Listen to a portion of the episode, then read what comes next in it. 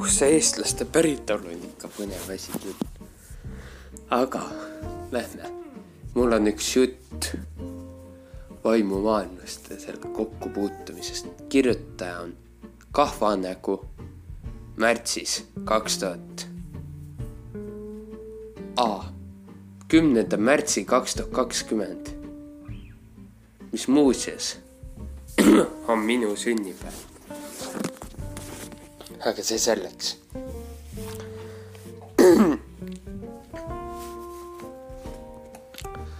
minu kahekümnes sünnipäev oli see, täpselt sama kuupäeval, kümnes märts kaks tuhat kakskümmend.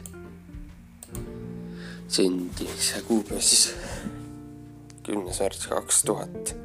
aga see selleks, see pole oluline, lähme edasi. vaimumaailmast ja sellega kokkupuutumisest. Kahvanägu kirjutab paraveebis niimoodi esimest korda, kui ei eksi, näitas ta end mulle kahe tuhande neljateistkümnendal aastal. välja näeb ta sellise valge uduse kogu, koguna, pikkusega umbes üks koma viis meetrit, poolteist meetrit. aga see-eest väga kiirete liigutustega. nii et vaadelda ta ennast pikemalt ei lase. kui seda teha tahad, kargab ta kohe kuhugi varju, kas siis ukseauku või mõne suurema asja taha. Ei oskagi teda täpselt nimetada, on ta vaim, poltergeist, kummitus või veel midagi muud. äkki hoopis oma aega tegevusse kinni jäänud hing? Kummaline on see, et ta näitab ennast ainult mulle. Ja reeglina siis, kui ma ruumis üksi olen, siis ta ei saa see olla, sest näitab ainult sulle. Kui on teisi inimesi samuti, ei toimu midagi küsisin mõnede vanemate töötajate käest. teate, et siin kummitab? Need polnud oma pikkade tööaastate jooksul midagi kuulnud ega näinud. mina hakkasin teda siis nägema, kui teinekord oli vaja õhtuti peale tööd pikemaks jääda ja suur ruum inimestest tühjaks jäi. huvitav on ka see, et ta tegutseb kindlas piirkonnas, ringis, mille läbimõte on umbes kuus kuni seitse meetrit paar nädalat tagasi käisin endis töökohas, kus ma polnud olnud praktiliselt juba paar aastat. oli vaja seal üht-teist teha. paar inimest oli ka kaugemal kõrvalruumis. tegutsesin seal ja järsku vaatan, sõber kohal. ei saanudki aru, kas ta nüüd tuli seinast välja või seisis seal ääres nähtamatuna ja siis muutis ennast nähtavaks. aga minust oli ta umbes kolme meetri kaugusel tahtsin teda ikka jälle täpsemalt vaadata, aga samas kargas ta ukseauku, mis oli sealsamas ligidal ja läinud ta oligi. kell oli miskit kaheteistkümne ringis päeval ja sellist nalja polnud ta varem kunagi teinud.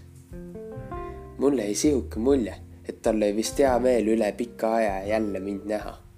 ja mina pidin ka varsti ära minema. no vot rääkides nüüd mõnele pooletõu skeptikule kohta, siis ta motiivilise mõtlemise arvas kohe, et mul mingi hallutsinatsioon, kuna kõrgelt haritud teadlased ei pea seda oma suures tarkus kuidagi võimalikuks. ja mina ei saa seda ka tõestada, et see võimalik on, kui tunnistajaid pole ja käskida vaimu ei saa, et tulen näita ennast teistele ka. ja selliseid mõistetusi, saladusi teisi, teisigi. ja käskida ei saa, aga paluda saad ikka ole hea, palun näita ennast teistele ka. või siis, kui teised kohale jõuavad, siis palun ole hea, tule välja, näita ennast, paluta seda ikka. jah.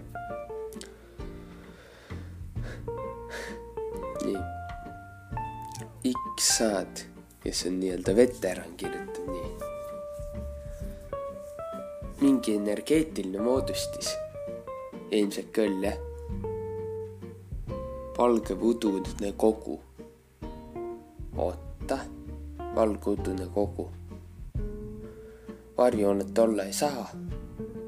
ta on kas vaim, hing või projektsioon, inimese projektsioon ehk ta enda ehitatud kogu, mis käib temaga oota, te ei käi temaga kaasas. küsimus tekib selles, miks ta talle ainult näitab ennast. imelik küsi-, lugu. aga loen näiteks mingi energeetiline moodustis X sajad kirjutab. ka elav inimese energiakeha midagi analoogset teha, õige, täpselt nii kunagi kaheksakümne esimene või kaheksateist teise aasta olin õhtul üksi tööl ja koridori ees oli suitsuruum. Seal istudes nägin silmanurgas, kuidas keegi läheb ümber nurga ja uks käib. pime nurk aga, umbes üks meeter pikk. teades, et on üksi tööl, läksin vaatama. see uks, mis käis, oli lukus.